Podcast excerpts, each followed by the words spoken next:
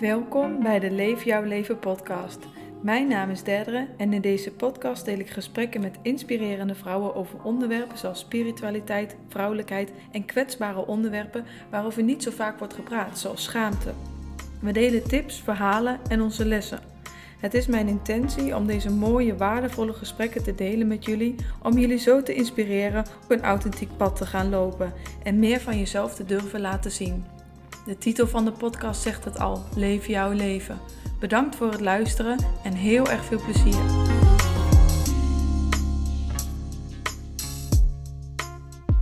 Welkom lieve mensen bij de Leef jouw leven podcast. Vandaag ben ik nog een keertje met Charmaine van Char's Coaching. En we hebben eerder al een andere podcast opgenomen en ik vond het eigenlijk zo leuk dat ik dacht lijkt me wel nog wel leuk om een keer een nieuwe podcast op te nemen. En toen kwam um, jouw story over zelfliefde, want over een week ga jij een challenge doen over zelfliefde, een workshop, sorry. Ja, en uh, toen schreef je een aantal dingen over zelfliefde, over dat sinds je op Ibiza woont, dat je eigenlijk veel liefdevoller, veel, veel zachter naar jezelf bent. En dat je dat heel erg heeft geholpen. En daarin herkende ik ook heel erg hoeveel zelfliefde voor mij heeft gedaan. Dus toen dacht ik, oh, ik stuur je een berichtje en kijk of we samen een podcast kunnen opnemen. En here we are. Ja, echt. Ja, ik vond het ook super leuk om te horen dat dat jou eigenlijk inspireerde om er wat mee te doen en het te vertellen. Want ja, wat je net zei, ik merk gewoon heel erg dat dat voor mij echt een shift heeft gegeven in mijn werk ook en hoe ik naar mezelf kijk. En dat is gewoon iets waarvan ik denk, iedereen mag dat ervaren en ook mhm. doorhebben hoe uh, helpend het is om op een andere manier met jezelf om te gaan in je werk of in relaties. Ja, en wat bedoel je dan? Dan val ik maar meteen met de deur in huis. Maar wat bedoel je met een shift? Nou, ik merk, wat ik bij mezelf heb gemerkt sinds dat ik hier op Ibiza ben, is dat ik uh, verschillende dingen hier heb gedaan, zoals uh, breathwork. En daarin had ik heel vaak dat ik weerstand voelde als ik aan het ademen was. Dus breathwork is een sessie waarin je gaat ademen voor de luisteraar die niet weet wat het is. Dus je gaat uh, dus verschillend door, alleen door je neus ademen of alleen door je mond. En dat zorgt ervoor dat je meer zuurstof binnenkrijgt. En dat zorgt voor energy release of verschillende dingen. Mhm. En ik merkte dat als ik dat aan het doen was, dat ik soms echt zo'n weerstandstuk had. Maar dat er niet alleen weerstand was, maar dat er ook heel veel gedachten in mijn hoofd kwamen. Zoals dingen van, wat ben je nou aan het proberen? Je kan dit echt niet. Je bent echt een loser. Echt dat soort dingen. En dat ik gewoon lag en dacht, wow, dat is echt heel hard. Waarom zeg ik dit tegen mezelf? Dat ik gewoon wel bewust was wat er gebeurde. En dat gebeurde steeds vaker. Dat ik ineens doorhad dat ik echt best wel gemene dingen tegen mezelf zei. En ik dacht, wow, waarom zeg ik zulke dingen tegen mezelf? Dat is echt totaal niet nodig. Mhm. Dus ik ben erop gaan letten. En in plaats van zoiets tegen me te zeggen, ben ik dan tegen mezelf ingegaan. En gezegd, nee, je bent supergoed bezig. Blijf zo doorgaan, blijf zo doorgaan. En ben ik veel zachtaardiger tegen mezelf gaan doen. Dus eigenlijk alsof ik een soort gesprek had met mezelf. Dus die ene kant heel gemeen aan het doen was. En de andere kant om te zeggen van, nee, dat is niet nodig. En sinds ik daarmee bezig was en mezelf bewust daarvan was merkte ik ook dat er een uh, shift dus gaande was. Dat ik gewoon uh, me veel vrolijker voelde. Dat ik uh, meer aan het dansen was. Dat ik ook meer mijn successen inzag in mijn werk. Omdat dat natuurlijk best wel veel tijd van de week inneemt. Mm. dat ik daarin ook gewoon tegen mezelf kon zeggen: Wow, je hebt het echt goed gedaan. Of dat mijn moeder en ik het ergens over hadden. En dat we elkaar een high five gaven omdat we iets succesvols hadden meegemaakt. Dus ik merkte gewoon daarin een shift dat ik veel zachtaardiger naar mezelf toe was. Mijn successen ook meer inzag. En daardoor ook gewoon vrolijker was. En ook berichten terugkreeg van mensen. Bijvoorbeeld als ze mijn story zagen van... hey, het gaat wel goed met jou op Ibiza. Je ziet er zo vrolijk uit. Volgens mij ben je echt helemaal op je plek. Dus mensen zagen het ook in mijn energie. Mm Ja. Yes, heel erg herkenbaar dat stukje dat je uh, een soort van bewust wordt van je eigen gedachten. En dan ineens denkt, oh, denk ik dat echt over mezelf? Want het liefste uh, willen mensen dat eigenlijk wegstoppen. Dat je zulke onaardige dingen denkt over anderen, maar ook over jezelf. Omdat het gewoon niet fijn is en ook heel erg is geleerd van, dat is fout. Maar als je die gedachte is uh, echt gaat onderzoeken en er licht op schijnt, dan kun je er ook wat mee. En dan kun je het veranderen. Dus dat stukje bewustzijn is daar volgens mij echt heel belangrijk. 100%. En het ging ook bijvoorbeeld over dingen dat ik dan mezelf in de spiegel aankeek. En dat je dan zat te kijken, oh nou, ik heb allemaal puisten in mijn gezicht, ziet er echt niet uit of zo. Of oh, misschien moet ik maar weer gaan sporten, want het begint allemaal weer te hangen of zo, weet je wel. Dat ik dan zoiets tegen mezelf zei, nou, dan voel ik me niet echt beter door als ik zoiets tegen mezelf zei. Dus ik ben daar ook nu bewust op gaan letten. En als ik dan s ochtends wakker word en ik ga douchen en omkleden en zo, zet ik ook gelijk muziek op, ga ik dansen, kijk mezelf aan en dan ga ik gewoon, ik voel gewoon een beetje bewegen en gewoon denken van, oh ja, het ziet er goed uit. En ik heb ook nieuwe lingerie gekocht. Dan doe ik dat dan aan. En denk ik van, kijk, zie nou wel. Het kan wel goed uitzien. Hmm. Gewoon dat soort dingen. Dat maakt al gewoon dat je ook je dag anders begint. En met een hele andere energie de dag ook start. Ja. Ik keek gisteren nog een documentaire over Eerlijke Foto. Die staat op Videoland. Ja, die heb ik inderdaad ook gezien.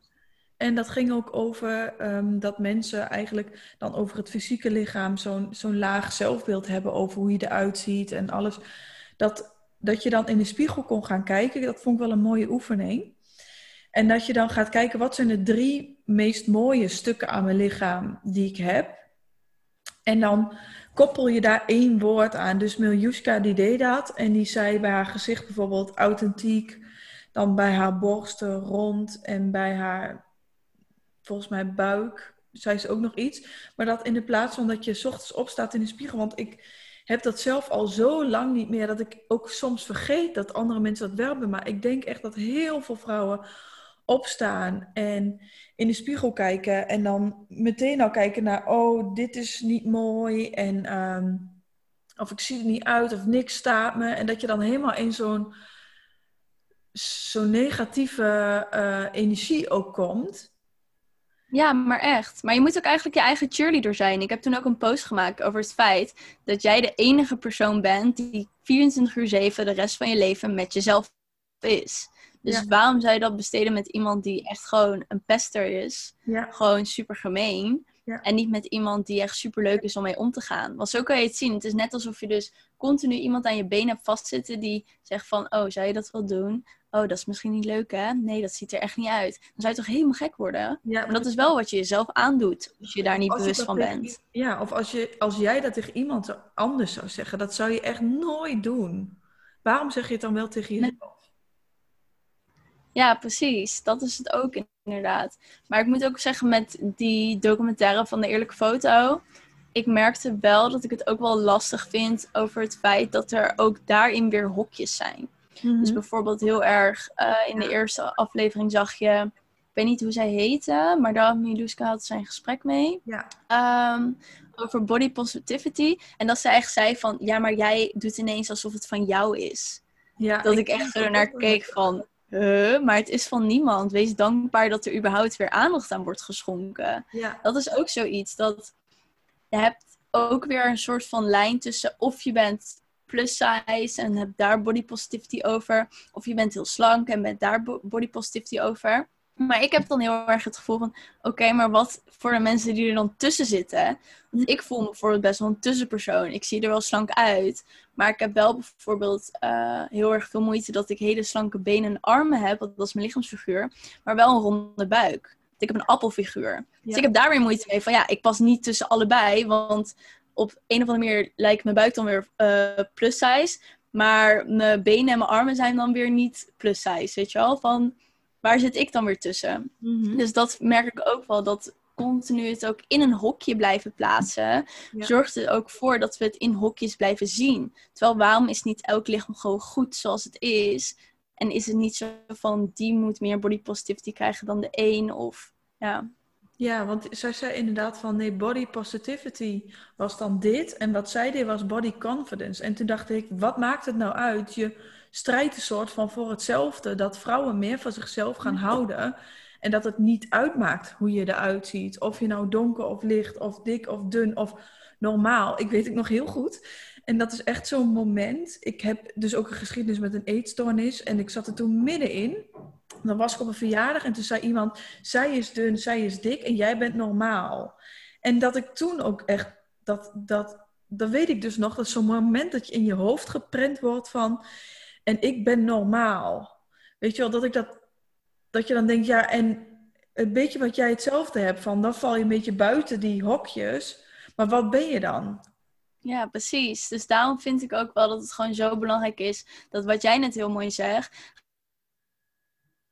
Ga gewoon van jezelf als persoon houden en ga dat als streven doen. Niet zo van, oh, dit lichaam moet, moet je van gaan houden of van dat lichaam moet je gaan houden. Nee, gewoon van ieder persoon zoals die is. Ja. En dan zorg je er ook voor dat er geen hokjes meer zijn of dat iemand zich niet um, ja, buitengesloten voelt in zekere zin. Mm en, en ik denk ook wel weer van binnen naar buiten werken. Dus als je van binnen verandert, dus liefdevoller naar jezelf praat. Ehm, als je in de spiegel kijkt, gaat focussen op welke dingen vind ik wel mooi aan mezelf. Het is best wel een proces, denk ik, om van jezelf te gaan houden.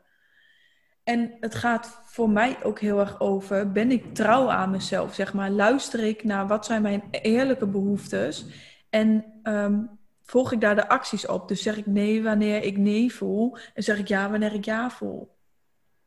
Ja, dat, is, dat is ook zelfliefde. Uh, positief of mooi over mijn lichaam.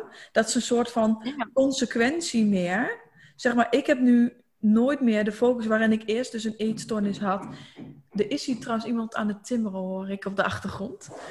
Oh, je hoort er niet heel goed. Oké, gelukkig. Maar waarin ik eerst dus die eetstoornis had en helemaal geobsedeerd elke dag een bepaalde routine had van, ehm, ja, echt van letterlijke vetrollen vastpakken. Is het gegroeid? Uh, hoe zie ik eruit? Ging ik op bepaalde manieren voor de spiegel staan? Kijk ik nu eigenlijk nooit, niet nooit, maar is mijn lichaam een soort van secundair geworden aan dat ik me mentaal helemaal goed voel. En mijn lichaam die volgt zeg maar alleen maar. Dus een soort van weerspiegeling van hoe ik mij van binnen voel. Ja, en dat is het ook. Maar je moet ook beseffen, ik had er ook een brief over geschreven en daar een post over gemaakt, dat het ons ook wordt aangeleerd om onszelf niet mooi te vinden, zodat we producten gaan kopen. Ja. Want stel je voor dat iedereen van zichzelf zou houden zoals die is. En dat we allemaal tevreden zouden zijn met ons lichaam. Dan zouden we nooit meer dieetspullen kopen. Dan zouden veel minder mensen ook make-up gaan kopen weet ik veel wat je allemaal doet om plastische chirurgie. plastische chirurgie. Dat zou iedereen gewoon niet meer doen, omdat ze zichzelf gewoon goed genoeg vinden. Ja. En dan is er dus geen industrie meer. Dus natuurlijk promoten heel veel mensen promoten dat niet. Ja. Omdat ze dan geen geld meer verdienen. Het is gewoon geld verdienen met hoe wij naar onszelf kijken. Ja. En ook als je kijkt naar de modellenwereld. En nu wordt het natuurlijk eigenlijk wel wat beter. Met dat je iets meer plus-size modellen of iets meer normale modellen hebt. Maar dat het eigenlijk ook is gecreëerd door allemaal zulke dunne mensen. En de kleding is zogenaamd alleen maar mooi op hele dunne mensen. Hoe ja, precies. Omdat je dan weer moet diëten en dat je naar een beeld gaat toewerken wat eigenlijk impossible is, waardoor je maar producten blijft kopen om aan dat beeld te voldoen, terwijl dat beeld dus helemaal niet bestaat. Ja. Nou, en hoe was het voor jou? Want je zegt sinds ik op Ibiza woon, heb ik, doe ik dus meer aan zelfliefde, heb ik dit, dat stemmetje ontdekt. Maar wat is dan het verschil met bijvoorbeeld een jaar geleden en nu? Um, goeie vraag. Ik denk dat een jaar geleden dat ik ook nog daardoor heel erg bezig was met wat andere mensen ervan vonden. Mhm. En dus heel erg zat van, oh, wat denken andere mensen over mij? En oh, hoe zie ik eruit? Wat vindt iemand daarvan? Dat ik daar heel erg mee bezig was. Ehm, waardoor het voor mij ook lastiger is om dan te gaan herkennen wat er in mij intern omgaat. Omdat het zo automatisch is dat je bezig bent met wat andere mensen van je vinden. Dat het zo'n automatische gedachte is. En uh, ja, je ook, dat ik mezelf ook heel erg ging aanpassen aan andere mensen om ertussen te zitten. Mm Zo op het moment dat ik nu meer bezig ben met, hey, wie ben ik? Waar sta ik voor? Waar uh, haal ik mijn voldoening uit, dan ben je veel meer bezig met je eigen kader. En ben je ook niet meer bezig met passen andere mensen daar nog wel in. Dan straal je iets uit en dan zul je vanzelf zien of mensen daar naartoe komen of niet. Mhm. En vorig jaar kon het dan bijvoorbeeld zijn dat ik dan nog heel erg bezig was met, oh, pas ik wel bij andere mensen? En dan bedoel je daarmee innerlijk en uiterlijk? Ja, dus heel erg ook uh, kleding dragen omdat iedereen het draagt, bijvoorbeeld. Mhm. Of uh, make-up op doen omdat iedereen make-up op doet. Dat soort dingen. Ja. Dat je gewoon veel meer daarmee mee bezig bent. Omdat uh, ja, je ook met mensen bent die daar ook mee bezig zijn. Ik denk dat dat ook wat verschil maakt. Ik ben hier op Ibiza veel meer op mezelf ook. Um, ook omdat sommige mensen nog in Nederland zijn en binnenkort komen. Dus ik zie er veel minder mensen dan dat ik in Nederland doe. Dus je bent ook veel minder bezig met de verhalen die zij vertellen. En waar zij zich mee bezighouden. Van, oh, zie ik er wel goed uit? Of, oh, vindt deze jongen me wel leuk? Nou, ik heb dit gedaan, la la. Weet je wel, dat soort gesprekken. Daar, ben je helemaal, daar kom je hier niet eens meer om. Dus dat verandert ook je gedachtegang. Ja. En wat is dan daarmee weer de connectie met zelfliefde voor jou? Dat het dus zelfliefde er ook voor zorgt dat het om jou gaat draaien. Ja. En niet om andere mensen. Ja. En waar jij voor staat en wat jij wil uitstralen en wat jij belangrijk vindt. Hmm. En dat is voor mij ook een stukje zelfliefde, dat je ook je eigen persoon weer gaat worden. Ja, super herkenbaar. En ik vind ook altijd wel, als ik denk aan zelfliefde, denk ik ook aan mijn hart weer openen en eigenlijk zachter naar mezelf worden. Dus niet alleen herkennen wanneer ik iets negatiefs zeg, maar ook mezelf vergeven en dan zien, oh ja, het is oké dat ik dat heb gedacht, maar ik heb het nu gewoon ook niet meer nodig. Hoe zie jij dat? Ja, ik zie het ook op die manier. Dat je dat gesprek inderdaad met jezelf aangaat. Wat ik net ook al zei met zo'n breathwork. Dat je dat gesprek met jezelf aangaat van... Hé, hey, uh, ik hoor of zie dat ik dit tegen mezelf zeg, maar dat is niet meer nodig. Zo, ik kan voor mezelf zorgen. Want het is eigenlijk ook een stukje onzekerheid en bescherming naar jezelf toe om dat soort dingen te zeggen. Ja. Voor sommigen kan het bijvoorbeeld zijn dat je dat soort dingen tegen jezelf zegt, zodat op het moment dat iemand anders het zegt, het minder hard aankomt. Ja. Dus dat is ook het herkennen, waarom zeg ik dit eigenlijk tegen mezelf? Wat is het belang daarvan? En vaak is het bescherming. Een soort van muurtje om je hart of om jezelf heen. Ja, precies, zeker. Hm. En ehm, wat ik echt van heel veel mensen hoor die in uh, zelfliefde um, reis zijn, is dat ze ook een stukje met hun hart bezig zijn gegaan en echt merken van, dat is echt helemaal een muur eromheen en versteend en ik ben helemaal niet liefdevol naar mezelf. Maar je hebt het dus meer eigenlijk vanuit het mentale ontdekken welke stemmen heb ik allemaal en hoe kan ik die gaan veranderen, waardoor alles eigenlijk daarna vanzelf verandert. Ja, dus eerst gefocust op de gedachten om ervoor te zorgen dat het gedrag ook verandert. Daardoor. Mm-hmm. En daardoor veranderde uiteindelijk ook mijn emotie vanzelf daarbij. Ja, dat, wat is het toch ook alweer? Is het nou emotie? Nee, een gedachte komt eerst en daarna komt de emotie? Ja, volgens mij is het uh, gedachte, emotie, gedrag.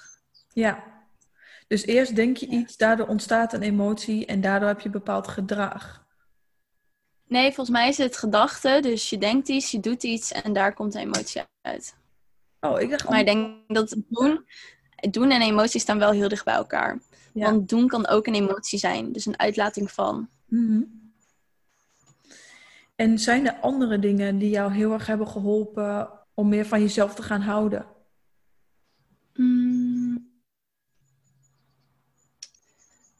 Ja, wat ik net al benoemde, uh, gewoon heel erg bewust zijn van wat ik tegen mezelf zeg. Mezelf ook meer complimenten geven. Daar ook bij beginnen. Uh, mijn successen inzien. Uh, dansen heeft me ook geholpen. Dus gewoon lekker muziek aanzetten en gewoon lekker gaan dansen. Mm-hmm. Niet mee bezig zijn van, oh, ik kan dat niet of het ziet er niet uit. Maar gewoon het gewoon doen, omdat het gewoon goed voelt. Um, en wat heeft nog meer geholpen? Ik denk dat dat de voornaamste dingen zijn. En gewoon goed voor mezelf zorgen. Dus echt goed op mijn voeding letten, op mijn beweging. Goed intunen, wat zegt mijn lichaam, wat heeft het nodig. Niet te ver pushen. Dus ook wat jij net benoemde, ook die grenzen. Oké, okay, heb ik daar zin in? Nee, oké, okay, nee, dat doe ik niet, punt. Mm. Heb ik rust nodig? Oké, okay, ik ga even rust nemen. Dat is ook lief zijn naar jezelf. Gewoon luisteren naar wat je nodig hebt. Ja. En dat moment voordat je het doet, dus inchecken met jezelf. Ja, ik moet zeggen dat ik dat niet heel bewust doe. Het is meer dat ik het gewoon opmerk, bijvoorbeeld. Mm-hmm. Dat ik bijvoorbeeld nu uh, zou kunnen opmerken van... Oh, ik merk dat ik uh, zo gelijk niet door wil gaan met werk, maar dat ik even wil gaan wandelen. Dat is ook al bewustzijn van en intunen. Ja. ja, het gaat eigenlijk best wel vanzelf bij mij. Ik merk het gewoon Ja. op en ik luister ernaar. Ik denk Ja. dat dat het verschil is. Ik denk dat iedereen wel bewust doorkrijgt wat ze nodig hebben, maar dat gewoon 80% er niet naar luistert. Ja, precies. En dat je, want ik denk echt niet dat iedereen dit zomaar heeft. Dat je constant eigenlijk, jij, jij bent als het ware altijd in contact met die stem in jezelf. Die jouw signalen stuurt en je luistert ernaar. Maar ik denk dat echt heel veel mensen dat überhaupt niet hebben hoor. Dat je gewoon in je vaste ritme zit. En dit doe ik, want op woensdag doe ik dit altijd. Ja, maar dat is het zo. Mensen leven zo erg op automatische piloot. En dat is zo zonde. Want dan kijk je terug op je leven en dan denk je... Wat heb ik eigenlijk gedaan? Ik heb elke maandagochtend mijn ontbijt gegeten. En ik ben naar werk gegaan. Ik ben thuisgekomen en ik heb Netflix gekeken. En dat heb ik vijf dagen per week gedaan. Om in het weekend te drinken en een keer uit eten te gaan. En dan weer het riedeltje weer door te doen, weet je wel. Ja. Ja. Dan denk ik van, dat is zo zonde om daarop terug te kijken. En dat de enige geluksmomenten die je hebt, zijn je vakanties. Ja. Of een keer een weekendje weg dat je met vrienden hebt gedaan waarbij er leuke dingen gebeurden. Waarom kan je dat niet elke dag ervaren? Of mhm. elke week? Mhm. Waarom moet dat alleen in een vakantie zijn? Of in een weekendje weg? Of in, op een avond? Je kan ervoor kiezen om dat elke dag te ervaren. En dat begint inderdaad bij bewustzijn. Hoe voel ik me? Waar let ik op? Wat heb ik nodig? Hoe kan ik inchecken? Wat vertelt mijn intuïtie mij? En daar ook naar luisteren en naar handelen. Mhm. En dat is het inderdaad, dat je in eerste instantie wel eerst in contact moet komen met die intuïtie. En wat wil je eigenlijk zelf in de plaats van maar doorgaan in dat ritme wat je altijd doet. Dat je een soort van wakker geschud wordt van, wil ik dit aan het einde van mijn leven? Uh, Denken van, oh, dit was mijn leven. Ik heb van weekend naar weekend geleefd en elk weekend was ik weer aan het klagen. Oh, morgen moet ik weer werken. Ja, maar echt, moet je je voorstellen hoeveel mensen dat zijn. Ik kan me gewoon niet voorstellen dat je zo door het leven gaat. Nee. Echt niet. Dan denk ik van, huh? Ja. Hoe, waarom zou je jezelf... Ja, dat klinkt misschien hard, maar waarom zou je jezelf dat aandoen? Ja. Waarom misgun je dat zo erg? Zo zie ik dat dan. Ja. Dat is ook echt iets gewoon jezelf het ook willen geven en het willen ontvangen. Ik denk dat het ook heel belangrijk is. En ook, wat ik ook wel bijzonder vind, is dat mensen zo erg leren ook om van een intuïtie af te staan. Mm Terwijl ik ben dat afgelopen jaar ben ik daar steeds meer in contact mee gekomen. En luister ik daar zo volledig naar. En dat zorgt juist voor de meest toffe dingen. Alles gaat zo moeiteloos. Ik hoef echt, echt zowat totaal geen moeite te doen om mijn werk te doen. Of om zo'n podcast met jou nu op te nemen. Of mhm. het gaat allemaal vanzelf en moeiteloos. En dat is echt super chill en super rustgevend ook. Dat het, het hoeft niet moeite te kosten. Je hoeft niet hard te werken. Je hoeft niet overal om te zeuren en zagrijnig om te zijn. Ja, want dat, kan ook anders. is wel iets uh, leuks wat ik vanochtend dacht toen ik dacht aan de podcast met jou opnemen over zelfliefde. want zelfliefde staat heel vaak um, gelijk soort van met maskertjes doen en uh, weet ik veel, naar de sauna toe gaan. Snap je wat ik bedoel? Dat is self-care. Dat is not, ja. that's not self-love. ja, precies. Maar toch wordt dat best wel vaak verward. En toen dacht ik, in zo'n druk leven wat je hebt en alle projecten die je hebt, hoe maak je dan tijd voor zelfliefde? Ja, genoeg. Ik, heb, ik denk dat het ook, het lijkt alsof ik echt heel veel doe. Ik doe ook heel veel, maar het voelt niet als heel veel. Want ik heb bijvoorbeeld, normaal heb ik een werkweek denk ik van 20, 26 uur of zo. Hmm. En dan bijvoorbeeld deze week heb ik dan wat uitschieters omdat ik een cacao-ceremonie geef en uh, twee projecten heb die live gingen. Maar ik heb voor mezelf elke woensdag en vrijdag heb ik vrij ingepland. Ik doe dan niks aan werk. Mhm. tenzij, tenzij ik het zelf wil. Maar ik, doe het dan, ik ga dan lekker naar het strand. Of ik ga lekker lezen of mijn cursussen doen. Iets met zelfontwikkeling. Mhm. Eh, en maandag, dinsdag en donderdag werk ik. En dan maakt het me ook niet uit of ik van 9 uur tot 8 uur s avonds werk. Ik doe dan ook de dingen die ik leuk vind. En ik weet dat vrijdag en woensdag de dagen zijn dat ik alles weer even mezelf herlaat. En ook die rust even pak. Want daar ben ik ook ten mist in gegaan. Ehm, een paar maanden geleden, toen ik uh, met een klant van mij aan bellen was. Toen zei ze ook... Char, ik voel me ook altijd zo af. Hoe deed jij dat met en je scriptie en bij de IJsselon werken en je eigen bedrijf? Maar ik heb toen bijna tegen een burn-out opgelopen. Mhm. Ik had toen een gesprek met een vriendin, want ik voelde me echt heel slecht. Toen zei ze, heb je niet een burn-out? Ik zei, burn-out? Doe niet gek, jongen. Ik heb echt geen burn-out. En toen ging ik de symptomen opzoeken. Toen dacht ik, oeh, volgens mij ga ik wel die richting op. Mhm. ik heb me toen ook echt heel slecht gevoeld. Omdat ik gewoon letterlijk 80 uur per week dingen aan het doen was. Op 90 uur. Of bij de ijsvlam werken. Of aan mijn scriptie. Of aan mijn bedrijf. En ik wilde sociaal doen. En ik wilde sporten. En ik wilde dit, dit, dit. Het mhm. hield maar niet op. En nu heb ik bewust dan mezelf die rust ook gegund, weet je wel. Ik heb niet meer dan drie dagen nodig om aan werk te zitten. Mm Tenzij ik dat zelf wil. Maar ik kan alles in die drie dagen plannen. Dat is voor mij genoeg. Super mooi vind ik die ook. Dat vind ik echt wel een hele mooie ook om mee te nemen. Van hoe wil jij dat je leven eruit ziet en hoe plan je dat dan zo in, zodat jij die rust nodig hebt en niet tegen die burn-out of, of weet ik veel wat je kan krijgen oploopt. Ja, want je kan alles zo vol plannen. Als ik wil, kan ik mijn hele week vol plannen met werk. Maar het is niet nodig. Ja. Het is voor mij die maandag, dinsdag, donderdag zijn genoeg. En ik werk met alle plezier ook s'avonds. Dat, dat doe ik omdat ik het echt leuk vind. Maar gewoon wetende dat ik dan vrijdag gewoon lekker mijn eigen ding kan doen, kan uitslapen en niks op de planning heb, vind ik top. Ik ga ook vrijdag ga ik ook paardrijden. Dat heb ik echt al zes jaar niet meer gedaan. Ik heb Mhm. er super veel zin in. Ik vind dat helemaal leuk. En ik voel me echt niet schuldig tegenover mezelf van, ja, maar eh, zoveel mensen werken op vrijdag. Waarom ga jij dan zoiets leuks doen? Niet aan werk zitten. Daar ben ik niet eens mee bezig. Ik weet het alleen gewoon dat als ik juist die dagen gebruik om nog te genieten van dingen die ik echt leuk vind, dat je dat ook terug gaat zien in mij als persoon. En Mhm. ik sta voor mijn werk. Ja, En dat is het allerbelangrijkste. ja. Echt ook losbreken uit wat hoort. Ja, precies. Weet je wel. Misschien luistert iemand dit en denkt, nou, dat kan echt niet. Je hoort gewoon zoveel uur per week te werken. Prima, als jij dat vindt, moet je dat zelf lekker doen. Maar Ja. ik hoor daar niet bij. Dit is echt mijn ideale week en hoe ik hem wil inplannen, waar ik gelukkig van word. En ja, ik verdien er mijn geld mee. Dus dat is het belangrijkste. Ja. En ik kan er leuke dingen mee doen. Ja. En het ligt er ook aan hoeveel heb je nodig of hoeveel wil je. Of, eh, weet- dat is ook voor iedereen anders, hè? Ja, zeker. En dat is ook zoiets. Weet je, mensen zeggen ook van ja, ik wil meer vrijheid, ik wil meer geld. Wat, wat wil je? Wat is meer vrijheid? Wat is meer geld? Voor de ene is meer geld eh 3000 euro per maand verdienen. Voor de ander is dat 20.000 euro per maand verdienen. Ja. Voor de ander een ton per maand. Wat is meer geld? Wat is vrijheid? Voor de ene is dat elke dag in de natuur kunnen wandelen. Voor de ander is dat een wereldreis kunnen maken. Wat is het? Weet je wel? Ga Ja. niet schreeuwen en zeggen: Ja, ik zou echt, ik zou dat ook wel willen. Of ik zou ook wel minder uur willen werken. Oké, hoeveel uur wil je minder werken? Vraag dat. Regel dat. Fix het. Weet je wel? Doe er wat mee. Ja, precies. Luister daarna. Als je die ingevingen krijgt, Ja. luister daarna. Luister naar jezelf. Precies, en dat is ook zoiets wat mensen ook vergeten. Mensen gaan heel vaak op zoek naar externe factoren die hun kunnen helpen om iets te behalen. Of iets te krijgen, of een bepaalde voldoening te krijgen. Terwijl alle antwoorden al in jezelf zitten. En dat vind ik zo vet aan coaching. Is dat je mensen laat inzien dat die kracht in hunzelf zit. Je geeft ze net dat setje of de sturing. Ik had gisteren bijvoorbeeld ook eh, met een vriendinnetje een gesprek. En zij had eh, drie boodschappen gekregen door de dag heen over kies in plaats van angst voor liefde. Dingen doen vanuit liefde en niet vanuit angst. Of je laten tegenhouden door angst. En toen stuurde ze mij van ja, weet jij of dat iets betekent? Ik heb het nou een e-dag al in een post gezien, in een podcast, in een boek gelezen. Wat kan ik hiermee? En ik zei, ga erop mediteren, ga een kaartlegging doen. Dus zij heeft een kaartlegging daarop gedaan. En daar kwamen drie boodschappen uit.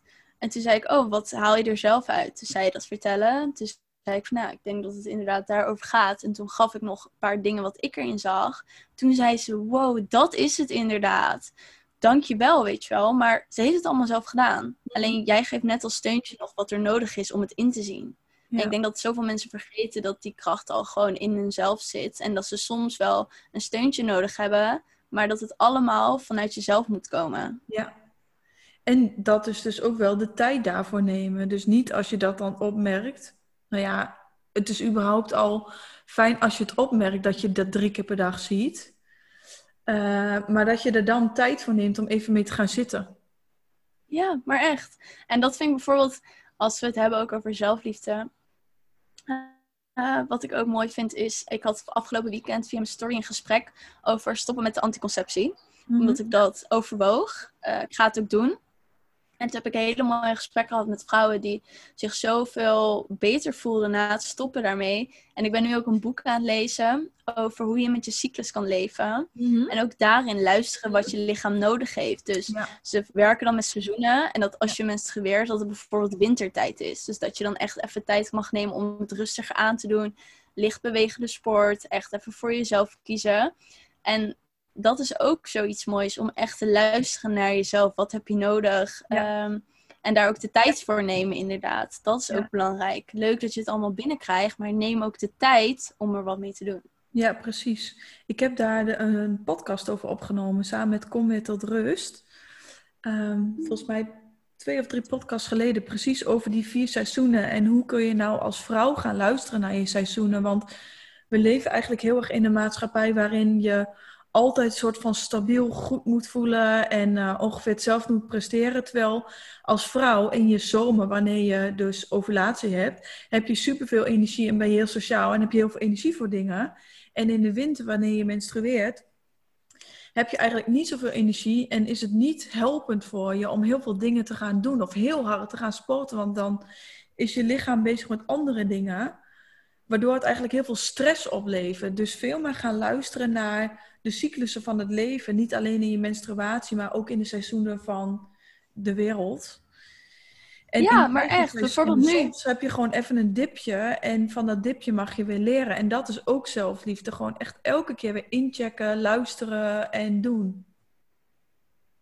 Ja, maar dat ook inderdaad. Ook niet het onderdrukken. Dat als je je even kut voelt of zo, dat je niet zegt: oh hier heb ik geen zin in. Nou, uh, laat ik maar weer iets doen om geforceerd blij te worden. Mhm. Nee, check even in. Waarom voel je ineens zo? Wat, wat vertelt het? Wat zegt het? Want je emoties zijn ook je leidraad van waar je staat en wat je nodig hebt. Dus als jij bijvoorbeeld elke dag naar werk gaat en je voelt je telkens kut, misschien moet je dan even gaan inchecken van, hmm, misschien moet ik daar iets in gaan veranderen, want ik hoef me niet elke dag kut te voelen. Mensen gaan het ook als normaal zien. Ik had bijvoorbeeld ook over die met je cyclus gaan leven. Dat één iemand ook zei van... Ik voelde me telkens super depressief. Maar ik ben het als normaal gaan zien. En toen kwam ze erachter dat het kwam door de pil. Dat ze zich depressief voelde. Maar echt heel, depressief. Dat had ik dus ook. Dat had ik ook. Toen ik ja? met de pil dacht ik...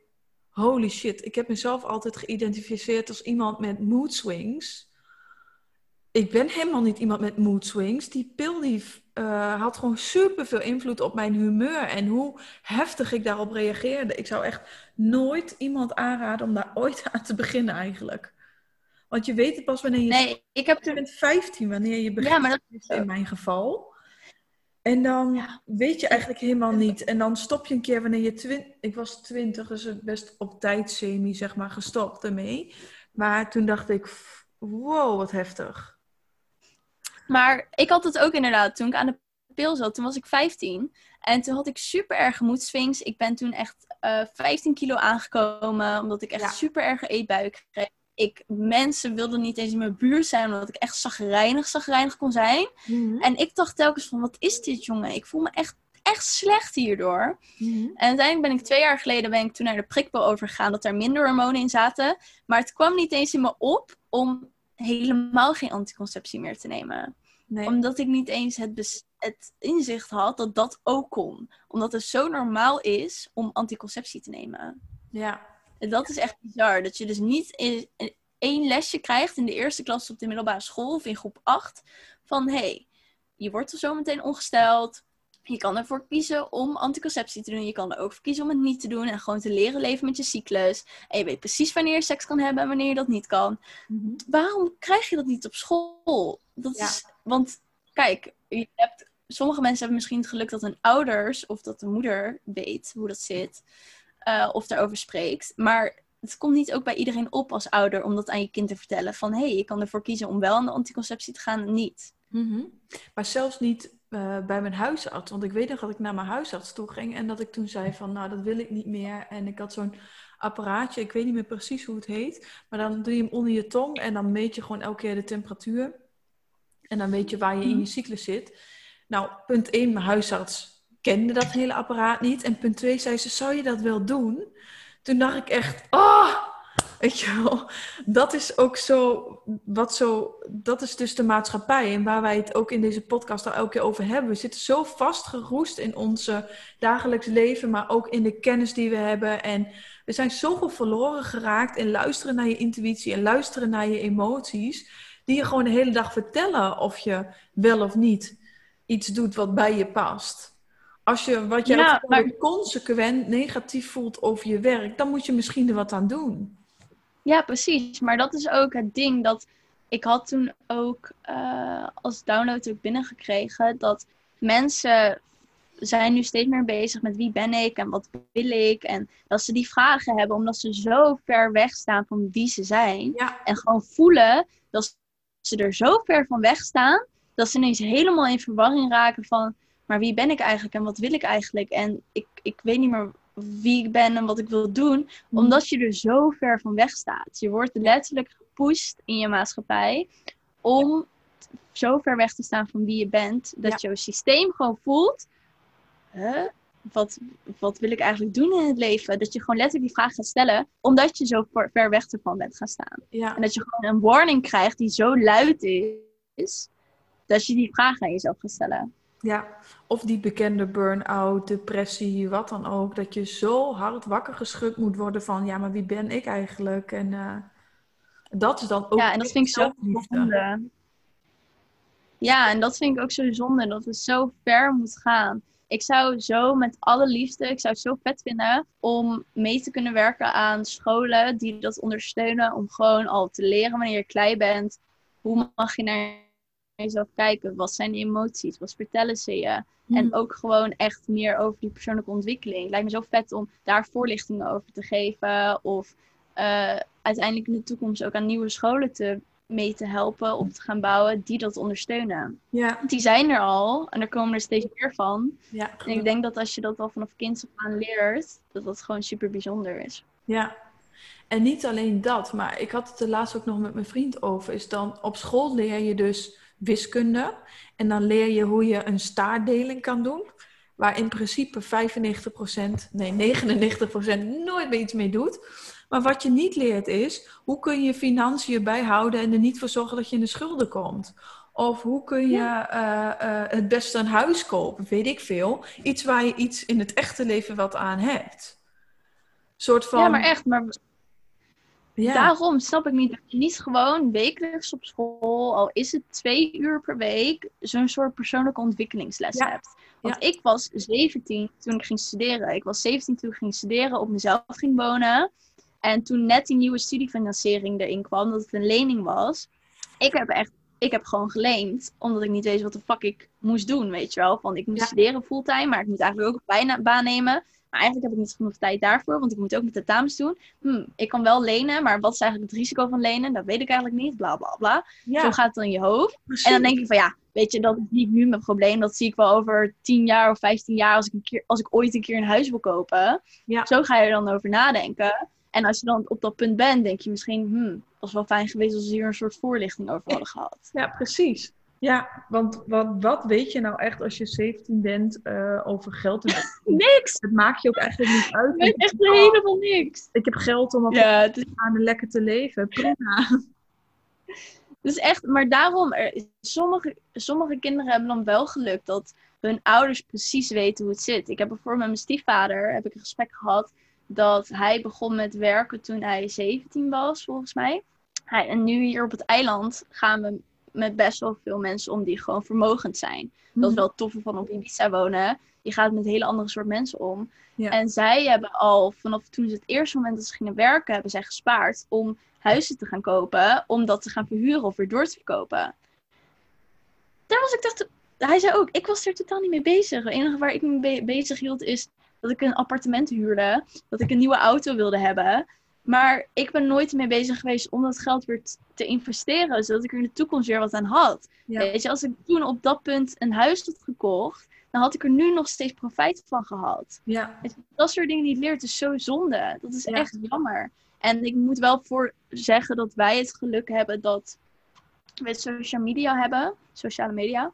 Dus ik heb bijvoorbeeld eh, accounts die me volgen. Dat zijn eh, of studenten of wat jonge mensen die andere jonge mensen willen ehm, informeren over investeren, over op je toekomst bouwen. Dus er wordt wel aandacht aan besteed. Maar het moet gewoon iets zijn dat je al leert vanaf het eerste moment dat je school hebt. ja. Wat je inderdaad leert als je naar de basisschool gaat.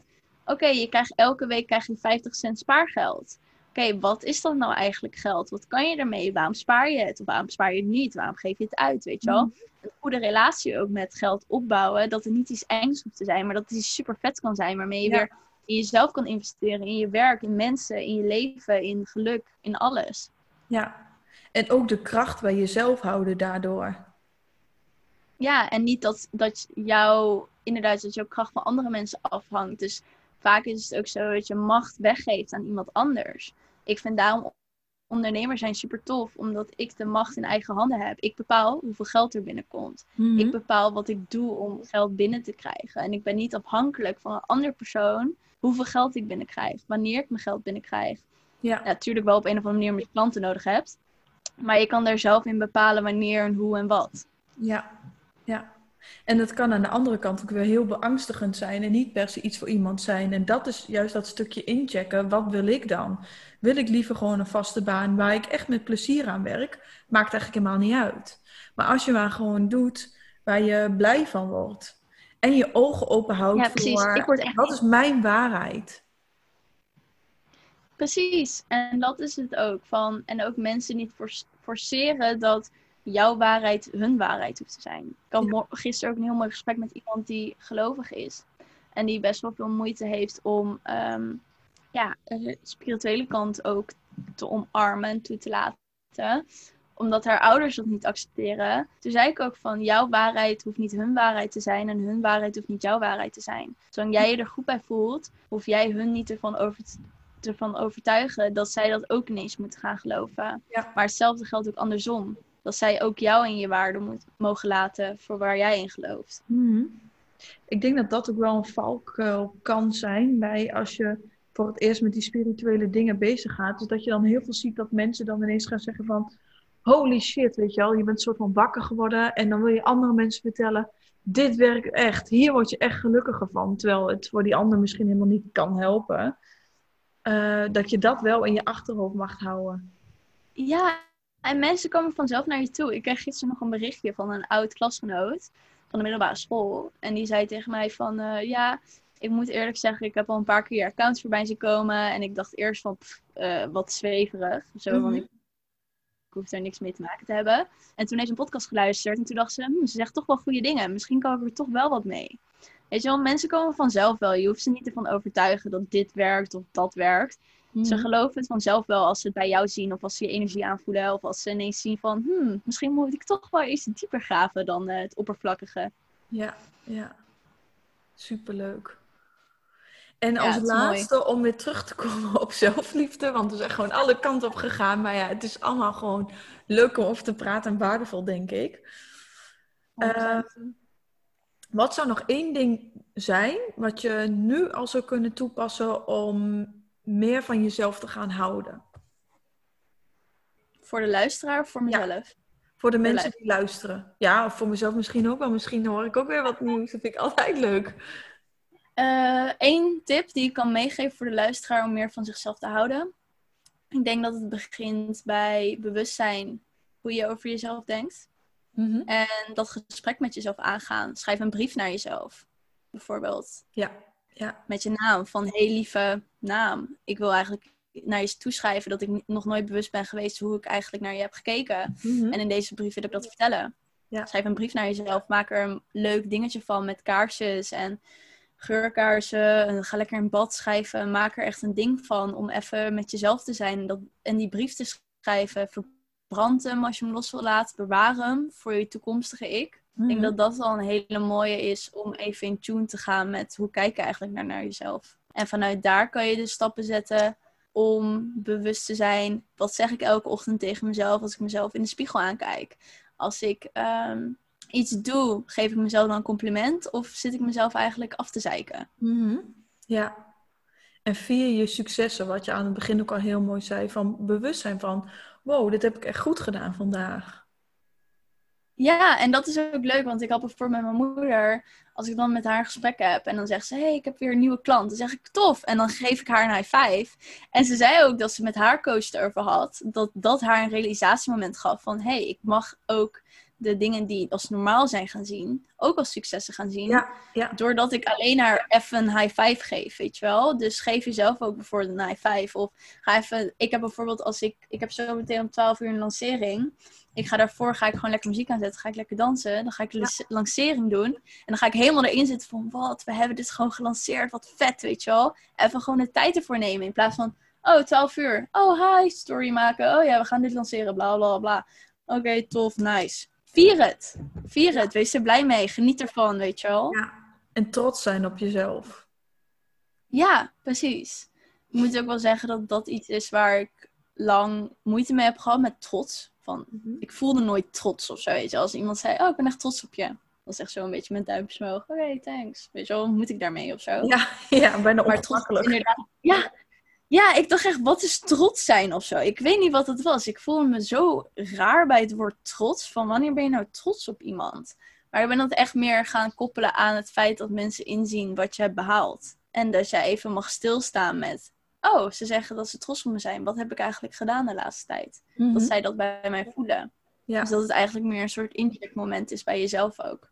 Ja, en ook echt, eh, daar ben ik de laatste tijd veel over aan het lezen. En ik heb daar ook een boekje voor gekocht, waarin ik opschrijf wat zijn mijn successen eh, en wat heb ik mogen ontvangen, zeg maar. Dat je daar ook bij stilstaat, want anders dan gaat het heel snel van, oh, ik heb een nieuwe klant. Oh, ik mag een nieuwe, in mijn geval dan bijvoorbeeld een nieuw product maken. Eh, maar dat je er echt bij stilstaat van, oh, wat cool dat ik dat gewoon mag doen. En eh, dat mensen naar me toe komen. En eh, ja, Ja, maar echt, doe dat ook gewoon inderdaad. Ik heb bijvoorbeeld superleuk als eh, mensen mijn e-book kopen. Of als mensen zich aanmelden voor mijn workshop die ik volgende week geef.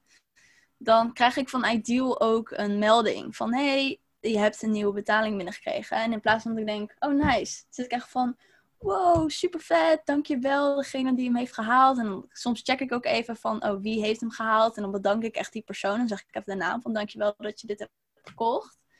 Maar dat is ook gewoon echt even stil erbij staan. En niet het zien van, oh ja, hm. Want waarom zou je er ook meer van krijgen als je het toch ziet als iets van, oh ja, niet zo bijzonder of Ja, speciaal. precies. Ja. ja, nou mooi om mee af te sluiten. Zeker weten. Goed gesprek. Ik ben heel erg benieuwd eh, wat mensen ervan vinden. Want het ging inderdaad heel mooi stromenlijn van zelfliefde naar allerlei andere dingen om weer af te sluiten met zelfliefde. Ja, Dus ik ben... gewoon nog leuker als je het gewoon open houdt en eh, je ziet gewoon wat er ontstaat. Je denkt dat je het gaat hebben over zelfliefde, maar dat is ook alleen maar een gedachte. Komt gewoon wat er komt. En dat is dan juist het juiste. Ja, zo ga ik ook mijn interviews in van mijn podcast. Gewoon, ik zeg ook nooit van, ik zeg ook altijd van, ik heb, ik heb geen vragen voor je. We gaan gewoon het gesprek aan. Ik stel de vragen vanzelf en we zien wel waar het komt. Ja. En de ene keer, ik had bijvoorbeeld iemand een podcast over Instagram zou het zijn, over meer zichtbaarheid op Instagram. En uiteindelijk ging het helemaal over haar ondernemersjourney en dat ze haar successen niet inzag en dat ze dat meer mocht inzien. Ja, Weet je wel? Dus het werd ineens een totaal ander verhaal. Ook bij iemand anders zou het gaan over marketing en psychologie. Werd het echt de beste motivatiespeech voor elke ondernemer, weet je wel? ja hoe Het is leuk. gewoon mooi wat er ontstaat uit het moment. Ja. Nou, daar sluiten we mee af. Iedereen super bedankt voor het luisteren en laat ons weten wat jullie ervan vonden. En als jullie vragen hebben, ik heb alle gegevens van ons eh, in de show notes achtergelaten. En ik zal ook even daarin benoemen van de eerlijke foto waar we in het begin over hadden, de serie op eh, Videoland. Want dat is wel echt een, eh, ja, het is wel een interessant iets om naar te kijken. Ook al zou het wel met hokjes zijn, maar het is gewoon een eye-opener van hoe kijk je naar je lichaam en hoe kun je dat liefdevoller doen. Dus, ja, en tag ons ook als je hem hebt gekeken. Want Ja. ik vind het wel leuk om in gesprek met jou erover te gaan, wat je ervan vond. Dus Ja. laat het vooral weten. Thanks voor het uitnodigen.